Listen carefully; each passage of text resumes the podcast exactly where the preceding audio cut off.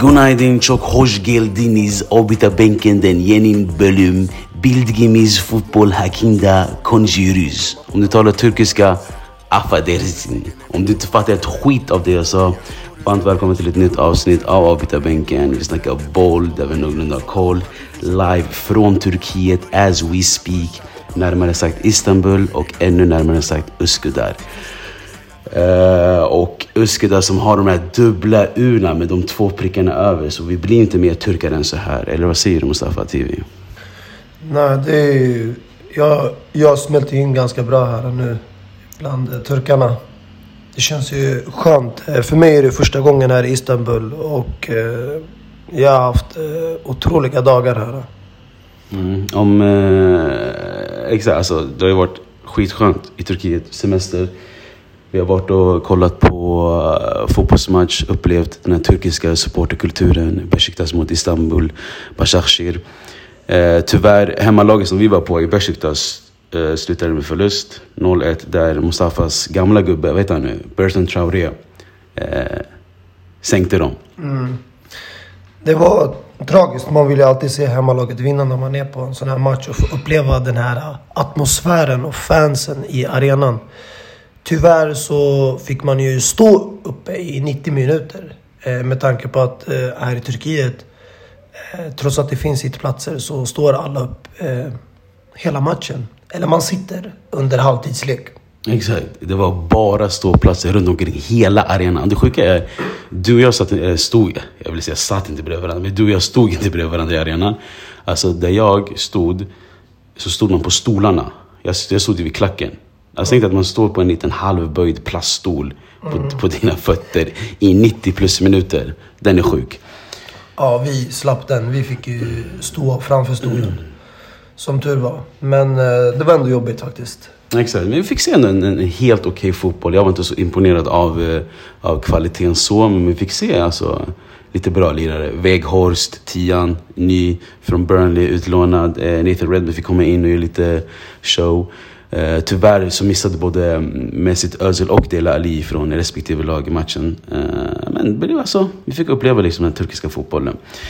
Eh, men nog om det. Eh, som ni kanske hör har vi inte de här eh, krispiga, penetrerande ljudet från mickarna eh, från Sverige. Som jag sa i början, vi är live från Turkiet, sitter här i köket i vår Airbnb med en iPhone 13 eh, Pro. För vi säger så här, alltså kontinuiteten är, är seriös. Den här avbytarbänken är seriös. Förstår du vad jag menar? Det är, det är, vi missar inget avsnitt, vare sig vi är i Cypern, Istanbul eller i Stockholm. Mm. Tragiskt nog så är ju inte Premier League så konsistent med tanke på det som hände i Storbritannien med eh, Queen Elizabeth. Men eh, ja, det är, det är synd det som har hänt, verkligen. Men jag känner att de borde ha kört på Premier League-helgen som alla andra ligor. Och eh, man borde ha haft en tyst minut så som man inledde Champions League-matcherna. Alltså jag säger så här. Eh, jag, alltså grejen är, det är lite synd att vi spelar in det här avsnittet på en fredag, är det väl idag? Alltså jag var sugen på att göra avsnittet på en måndag, tisdag där vi kunde verkligen bryta ner Serie A och La Liga och verkligen eh, ha ett engelskt fritt avsnitt. Men när det kommer det här med att de ställde in matcherna och så. Alltså jag säger så här. Vi svenskar, eller vi som är utanför England, vi har ingenting att säga om hur de ska hantera en sån här sorglig en sån här sorglig mm, situation, eller sorglig, sorglig grej helt enkelt. 96 år, har regerat landet i 70 plus år.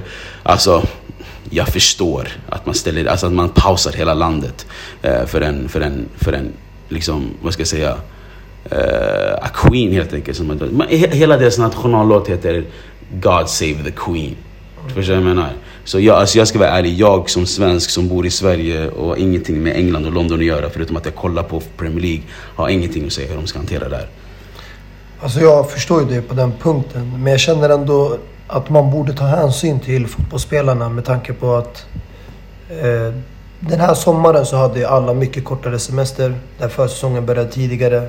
Eh, ligan började tidigare. Och eh, VM 2022 är bara runt hörnet. Eh, där vid årsskiftet. Och det gör att spelschemat kommer bli mycket tajtare och det sätter spelarna i risk att de blir skadade när de eh, ska spela ett sånt intensivt schema. Och eh, det är sådana faktorer jag tänker på när jag känner att man ställde in det.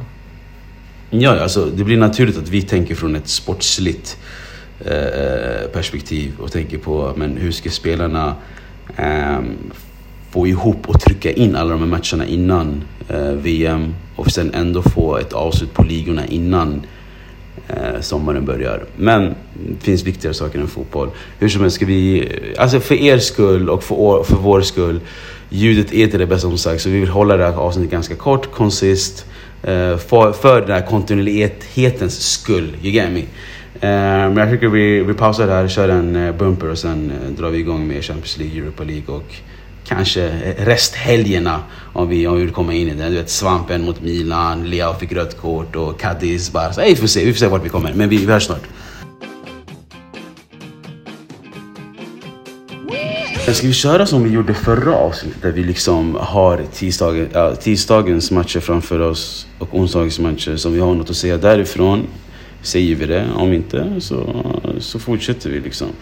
Um, tisdagens matcher, alltså grejen är så här. Obviously när du är på semester, du kollar inte på alla matcher. Så det har blivit många highlights för mig och TV här. Uh, för att hålla igång och uh, bara vara uppdaterade. Vare sig liksom det har varit Celtic mot uh, Shakhtar Donetsk, eller om det har varit Milan mot Salzburg, eller om det har varit Bayern. Bayern mot Barca såg vi dock. Det var en stor match i sig. Vi kanske ska börja snacka om den.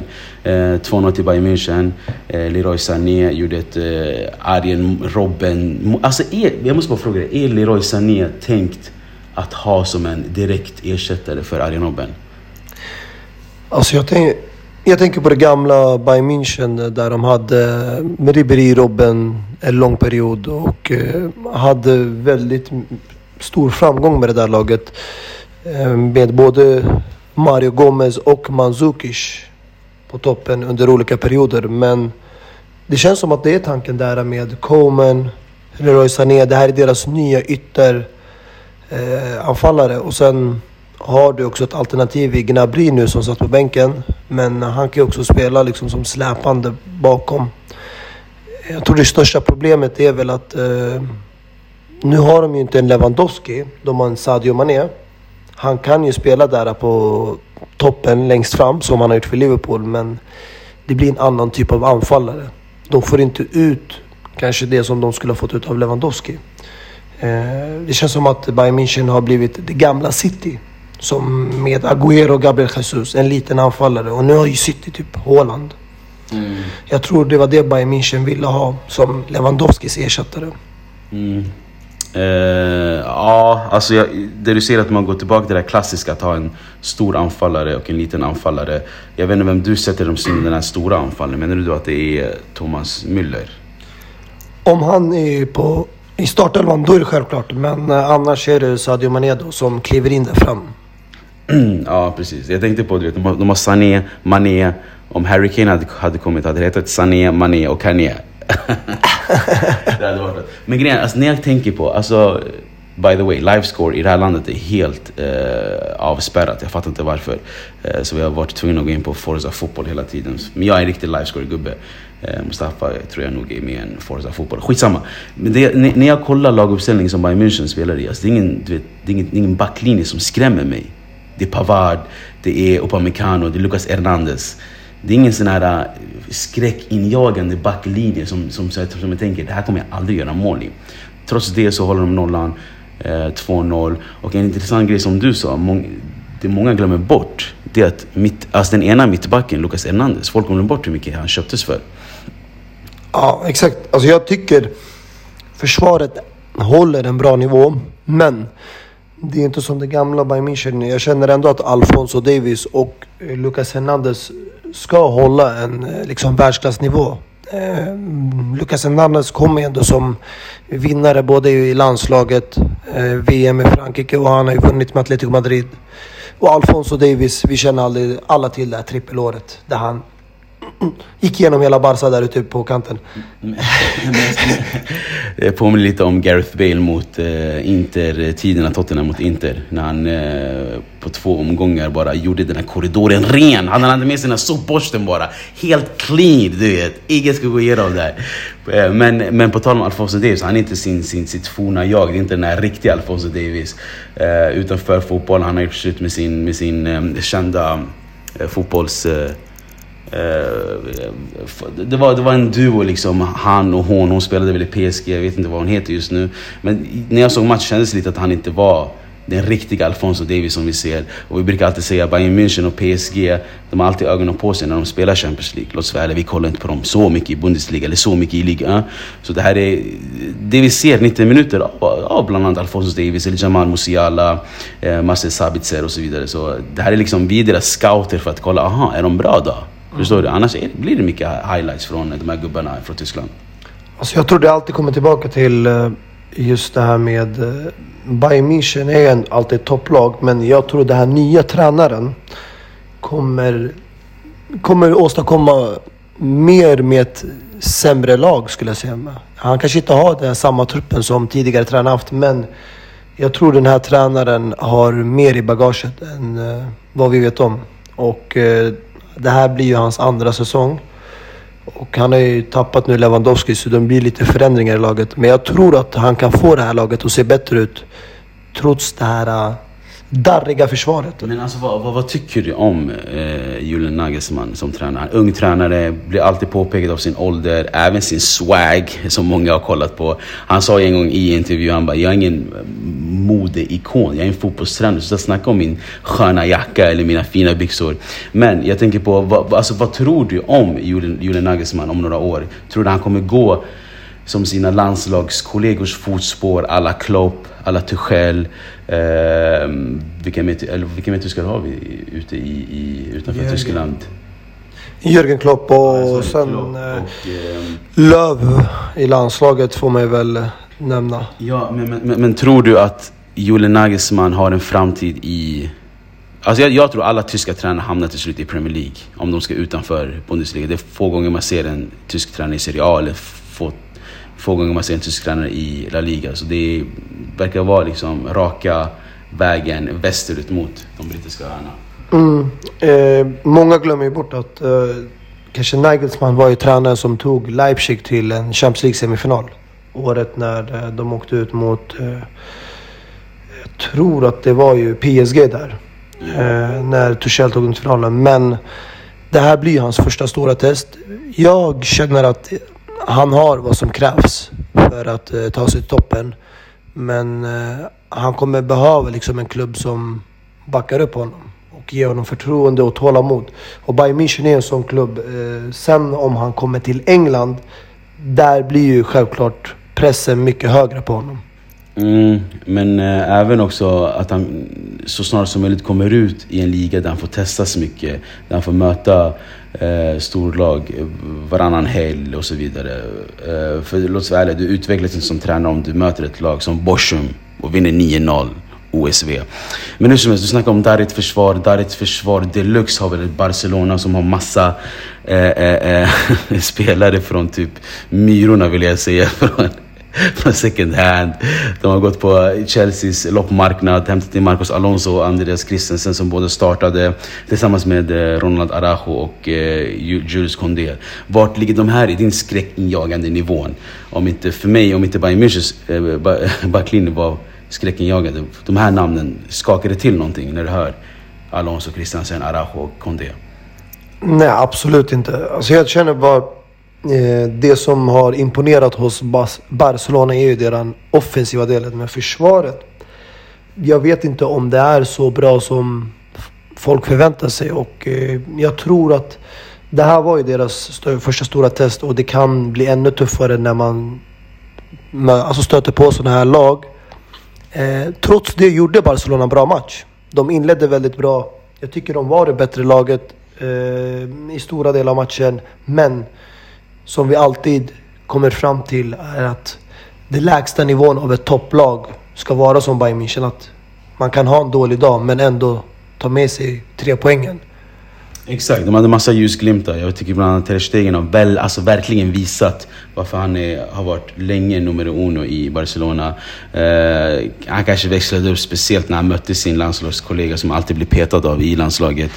Um, men jag tyckte det fanns jättefina ljusglimtar. Pedri, alltid fin. Osman Dembélé, utan Xavi har varit en, alltså, nästan en kandidat till Ballon d'Or-vinnare utan att överdriva. Uh, Gavi skrev på ett nytt kontrakt såg jag också häromdagen. Hans utköpsklausul var typ så på någon one billion eller en miljard eller något sånt där om jag läser det på engelska eller svenska.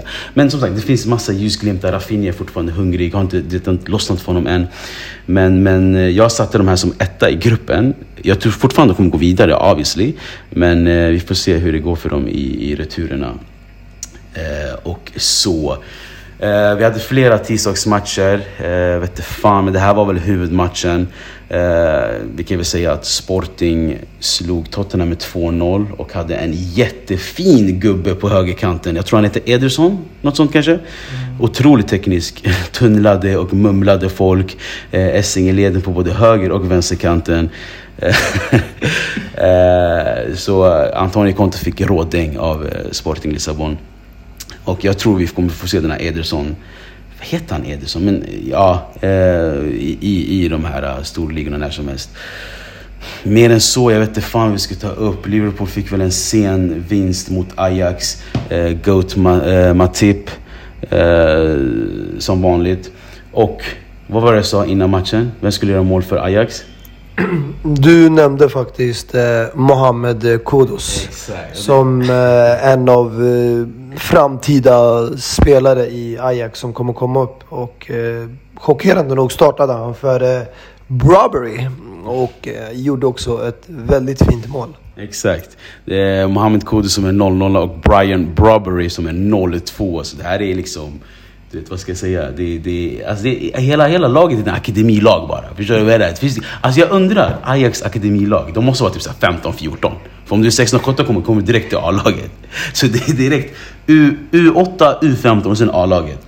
Men det är jättefint att se och det, och det, och det sköna på papper var det ju eh, Mohammed målskytt i ena laget och Mohammed målskytt i andra laget. Mm. Mohammed Salah eh, tror jag verkligen behövde det här målet.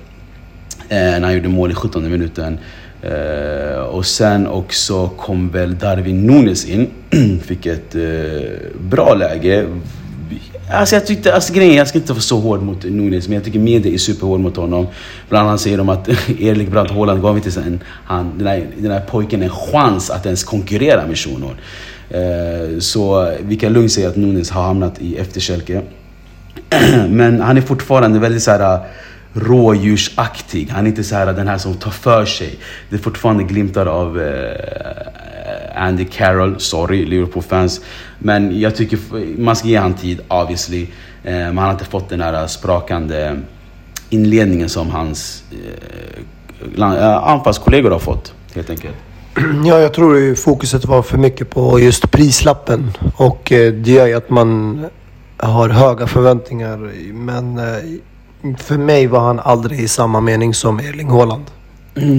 Nej, precis. Men om vi skulle bara kort bara i, i, i papper säga tisdagens resultat.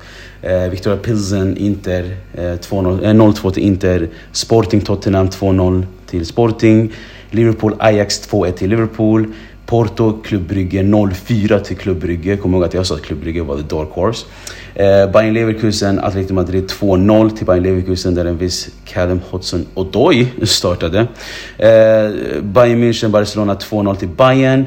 Eh, Olympique Marseille mot Eintracht Frankfurt 0-1 till Frankfurt. Det här var tisdagens matcher. Om vi går över till 14 september, onsdag, så hade en Milan-Dinamo Zagreb en tidig match. Eh, och jag satte väl Dinamo som... Eh, jag, jag satte Milan utanför den här gruppen. Eh, att de skulle gå, inte skulle gå vidare. Men jag älskar ju att äta mina ord och jag älskar att ha fel. Så jag hoppas jag har fel. Att Milan går vidare från den här gruppen.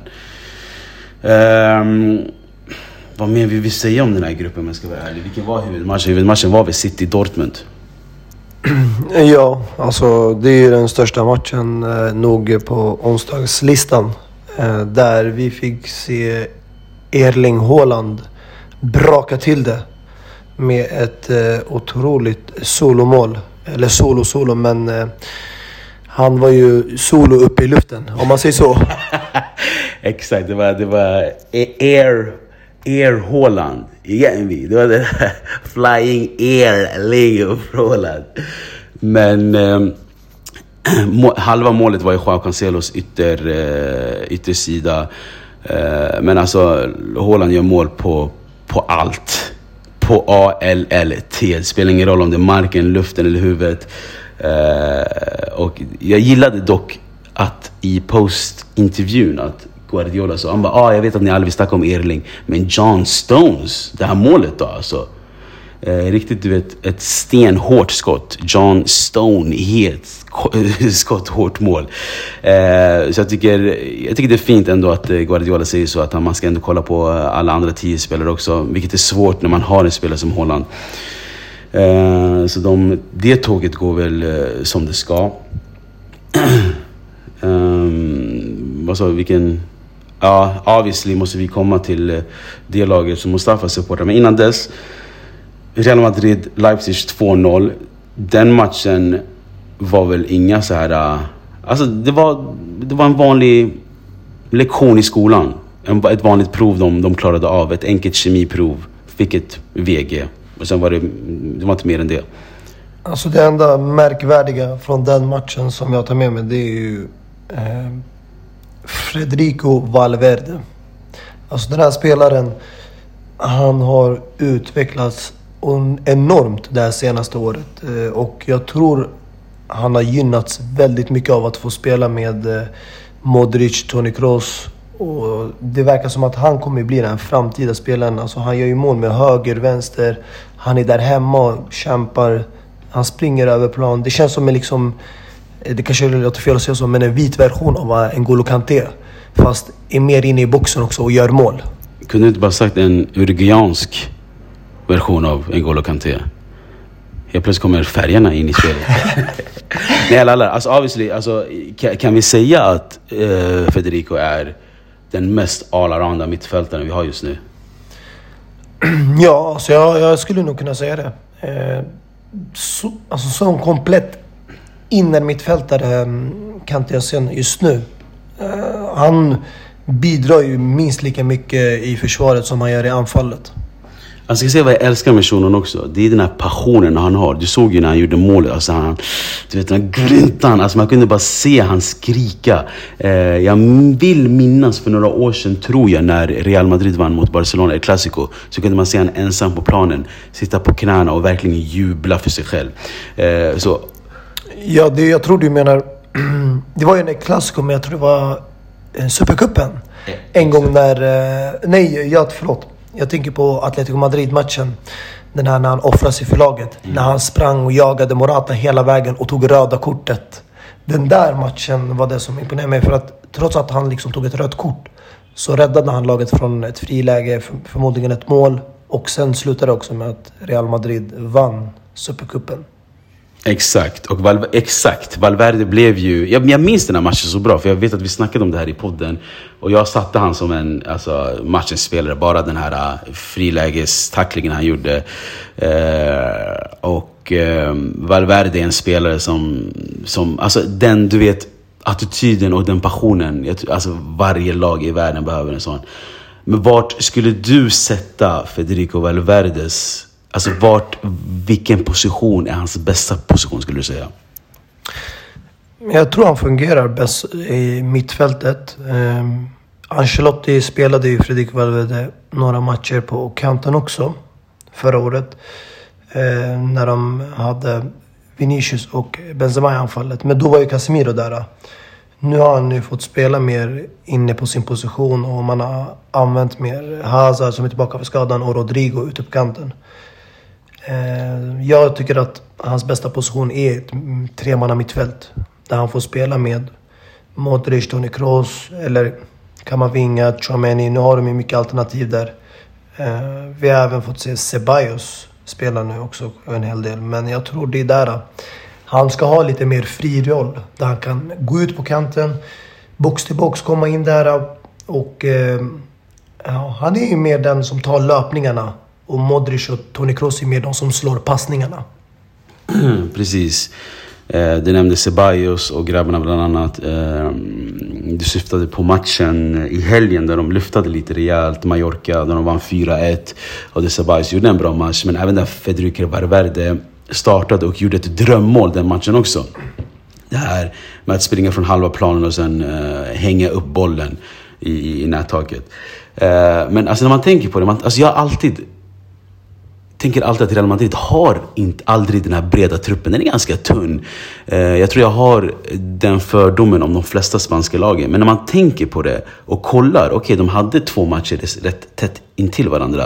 Eh, en ligamatch och en Champions League-match där de obviously var tvungna att rotera mycket. Och sen ser man, aha, Hazard fick starta mot Mallorca. Rodrigo gjorde ett, kanske alltså, jag ska vara ärlig, Puskas nivåmål där han snurrade upp. Alltså det beror på vilka mål du gillar. Om du gillar den här eh, Joga Bonito eh, dribblingsmål, då det här Rodrigo-målet är för dig som han gjorde mot Mallorca.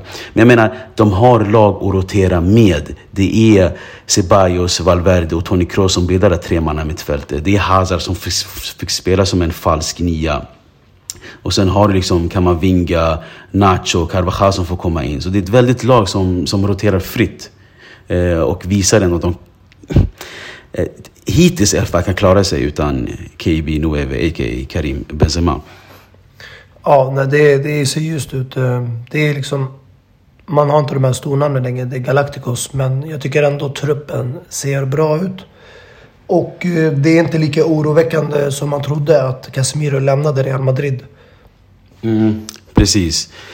Uh, ska, ska bli, jag är dock osäker på hur länge KB Nueve är borta. Men det ska bli uh, kul att följa Real Madrid. För jag tror många lag kommer bort från det här med att de måste ha Galacticos. Eller att de måste förlita sig på sina stjärnor. Jag tror mer och, lag blir mer och mer uh, kollektiva lag åt det hållet. Och att spelare, fotbollsspelare blir allmänt bara bättre fotbollsspelare än vad det var för fem år sedan, tio år sedan. Så du kan väl liksom ha det blir enklare att hitta bättre fotbollsspelare, men jag tycker vi, vi kan ta upp den här diskussionen någon annan gång, för den var jävligt intressant när jag tänker på det. Att fotbollsspelare blir bättre, är mycket bättre idag än vad de var för 5-10 år sedan. Mm, vi kanske ska ha det här som ett ämne. Fy fan vad bra det var. Eh, hur som helst. Eh, sista matchen också jag vill komma till innan vi kommer till eh, Harry Potters eh, debut. Juventus-Benfica som där Allegri eh, ännu en gång visar oro för support, de vitsvarta supportrarna. Eh, förlorade mot Benfica. Eh, och det ser inte ljust ut för Max Allegri. Och om jag ska vara ärlig, det, alltså, han har väl två kanske matcher på sig att vända det här. Annars är det arrivederci. Ja, jag, jag känner ju att eh, just nu eh, hänger han löst. Eh, en förlust på hemmaplan är inte acceptabelt. Eh, och jag vet att det kommer från Benfica. Benfica är inget dåligt lag. Eh, det visade de förra året. De gick ju vidare från gruppen. Även fast det var inte det bästa Barcelona man hade. Men Juventus ska kunna göra bättre på hemmaplan. Och jag känner att Allegri hänger löst just nu. Och hade han coachat en Premier League-klubb så hade han varit ute från dörren redan. Så han ska ju skatta sig att han är nu i Italien och kanske i, ett lag också där han har varit tidigare som ger honom mer förtroende. Men jag tror Zidane är där och knackar på dörren snart. Mm. Alltså, även den här Zidane-diskussionen vill jag inte öppna upp den här asken. För jag vet att eh, speciellt du, Ativi och du som lyssnar kommer inte hålla med mig. Den är väldigt kontroversiell. Men jag säger Zidane är en fegis. Eh, kommer inte vilja ta över lag som, som skakar eller som är väldigt så här, jobbiga att ta över som Juventus är just nu. Men den diskussionen tar vi någon annan gång. Exakt, Den debatten. Exakt, för den är inte väldigt... Alltså den här diskussionen vill vi ha bra ljud för. Vi vill ha det här krispiga ljudet för, för att kunna eh, diskutera med dig som lyssnar. Hur som helst. Eh, vad var det jag tänkte säga? Jo, alltså sättet de förlorar Juventus på också. Alltså Fabio Miretti som har varit jättehypad. Fin spelare, jätteung, 03, 19 år. Alltså straffen han orsakar. Det är inte ens på den första spelaren han, han fäller. Det är på den andra spelaren som han stämplar typ. Som orsakar straffen. Uh, och uh, förvisso, Milik gör ju målet. Och jag sa från början att Milik är en spelare som Juventus behöver. Som har nu visat kvitto på mitt problem. Jag tror det enda som kan rädda just nu Allegri, är ju... Han har ju väldigt många skador. Och eh, det gör att laget, eller truppen är ganska tunn. Um, om han får tillbaka nu spelare så kan det ju vända. För att jag tror Allegri, som du nämnde där tidigare, Eh, Zidane, eh, ja, parallellen. Han är också en tränare som är väldigt beroende av bra stjärnspelare. Jag tror inte han, han har aldrig varit den där tränaren som kanske förlitar sig på unga talanger och akademi. Och det som biter honom nu är ju att den här långa skadelistan i Juventus. Mm, precis. Förvisso fick eh, Angel de Maria komma in och eh, väl lite halvt tillbaka från eh, skadan. Men som sagt, 1-2 till Benfica. Eh, där på tal om Myrorna och second hand. Joao Mario lever än idag. Eh, dunkade till den straffen. Eh, och eh, den halvt kontroversiella spelaren David Neres fick också visa sig själv i Europa igen. Um, hade velat ha honom i uh, United. Ja, vi fick ju se Joao Mario fira på ett inte liknande sätt mot Juventus-fansen. Hur, hur var det? Ja, det var ju glädje i deras ansikten. Man såg ju det liksom hur glad han var att göra det där äh, straffmålet och ta ledningen i matchen. De, och sen, ja, det blev ju en vinst för dem. Precis. Eh, men Max Allegis äventyr kommer bli även intressant att se om det blir långvarig eller superkort. Han kanske är sparkad redan när vi kommer tillbaka till Sverige, vad fan vet vi. Eh, sista ons onsdagsmatchen då som eh, vi höll lite extra ögon på, eller närmare sagt eh, ATV. Eh, Graham Potters eh, debutmatch för Chelsea som tränare. Först och främst som du sa, jag ska inte ta all cred, jag ska inte ta all cred men du sa att man ska ju passa på att fejda sig när man kommer till ett storlag, vilket eh, Graham Potter gjorde. Vi har aldrig sett han så här stilig. Han var alltid eh, rufsig i håret i, Brighton eller i Swansea. Men det här visar verkligen att det här är, det här är ett storlag han tar över. Dock blev det inte en stor vinst för Graham Potter som han önskade på. 1-1 mot eh, Red Bull Salzburg. Vi ska inte vara för långrandiga. Vi sa en halvtimme ish. Vi är uppe i 31 minuter. Men korta drag. Vad tycker du om den här matchen Mustafa? I stort sett var det ju en bra match. Med tanke på att han eh, har inte, kunnat, han har inte hunnit eh, coacha laget så här länge. Liksom det är en vecka det har gått och ingen försäsong. Ehm, han slapp ju spela ligamatch i helgen så kunde fokusera extra mycket på träningarna. Men eh, jag kände redan från början när han valde ut den där elvan att starta med tre ytterbackar. Vi har gick ju förut från att vara en fyrbackslinje med två mittbackar till att man startar med tre backar. En mm. trebackslinje där man hade två wingbacks. I det här fallet vet jag inte vad för typ av genidrag han försökte köra med där när han eh, satte Reece James, Aspilicueta och Kokorea runt omkring en ensamstående Thiago Silva, mittback. Eh, som är den äldsta spelaren i truppen och eh, sätter storvärvningar som Koulibaly och Fofana på bänken. Eh, det kommer ju han få kritik för och eh, jag hoppas inte det ser ut så här framöver för att man ska ha mer än en mittback på planen och sen är det här också investeringar eh, för laget och eh, jag tycker eh, den, den kvaliteten behövs om man ska kunna utmana om titlar. Precis, alltså jag, jag håller med dig. Att sätta, eh, på papper har jag ju framför mig att det är en fyrbackslinje. Och som du säger, det är, det är tre ytterbackar av fyra i den här backlinjen. Uh, och Thiago Silva som den här konstanten som ensam mittback. Alltså för mig som, som icke-Chelsea-fan, det är ju lite oroväckande också.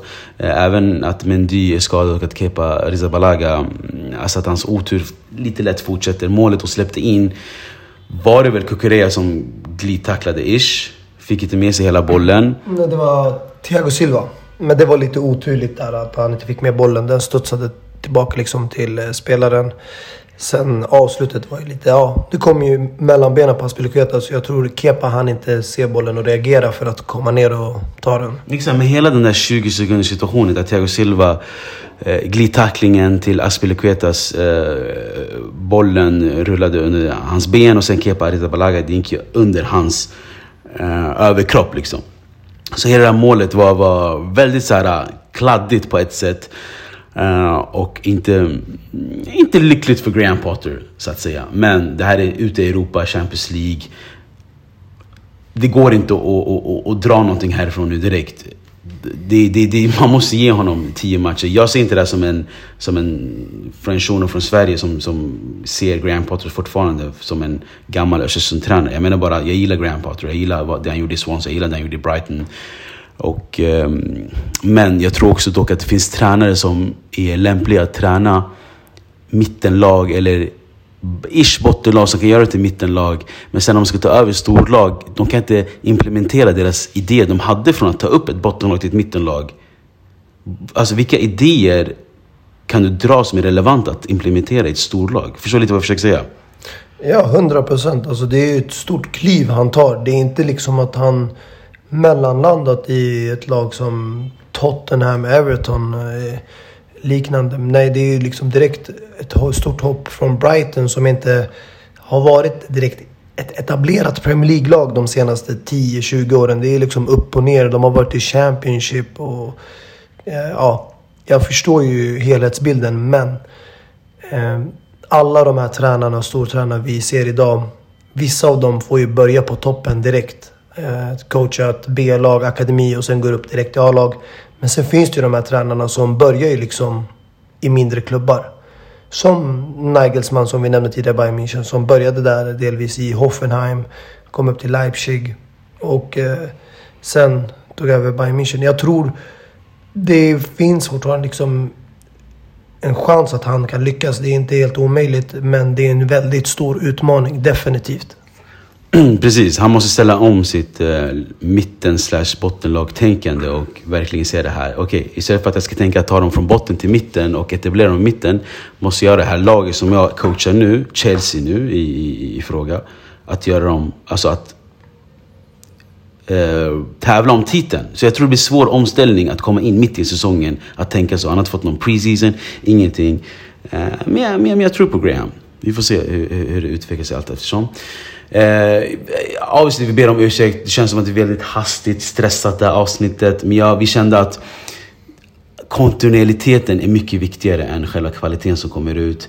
Eh, vi är seriösa, ni är seriösa. Eh, det är fredag idag, 16 september.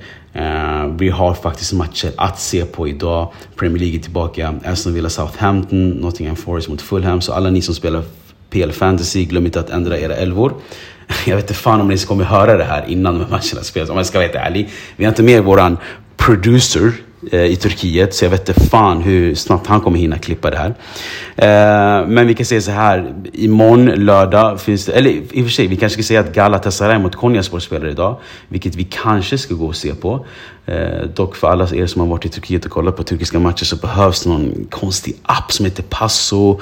Man ska hålla på och lägga till vilket lag man supportrar. Om du inte supportrar Galatasaray får du inte köpa biljetter, vice versa. Lalala. Så det är väldigt så här, eh, Eh, väldigt organiserat och ordentligt, jag gillar det, men väldigt kontrollerat. Du kan bara kolla på, den, på, den, på det laget supportrar i, i Turkiet. Så vi får se hur vi löser Galatasaray Konyaspor-biljetterna. Eh, eh men imorgon lördag Eh, så är Premier League tillbaka. Wolverhampton mot City bland annat. Vi får se om Diego Costa gör sin debut. Jag tror hans arbetstillstånd är väl klart och allting så. Eh, men det ska bli jävligt intressant att se den här uh, bråkstaken stå emot Erling Braut Haaland. Alltså my day, det där är min match. Det där är min match. Uh, Tottenham mot Leicester uh, har vi också. Sen vet jag inte om det är någon match som du ser fram emot mycket. Nej, alltså jag, jag ser bara fram emot att Premier League är tillbaka helt enkelt. Jag hoppas inte att det blir några fler matcher som blir inställda. Och, eh, men som du också sa tidigare, på ett sätt var det skönt att ha en liksom Premier League-fri helg. Mm. Och kunna kolla lite på flera Serie A och eh, La Liga-matcher.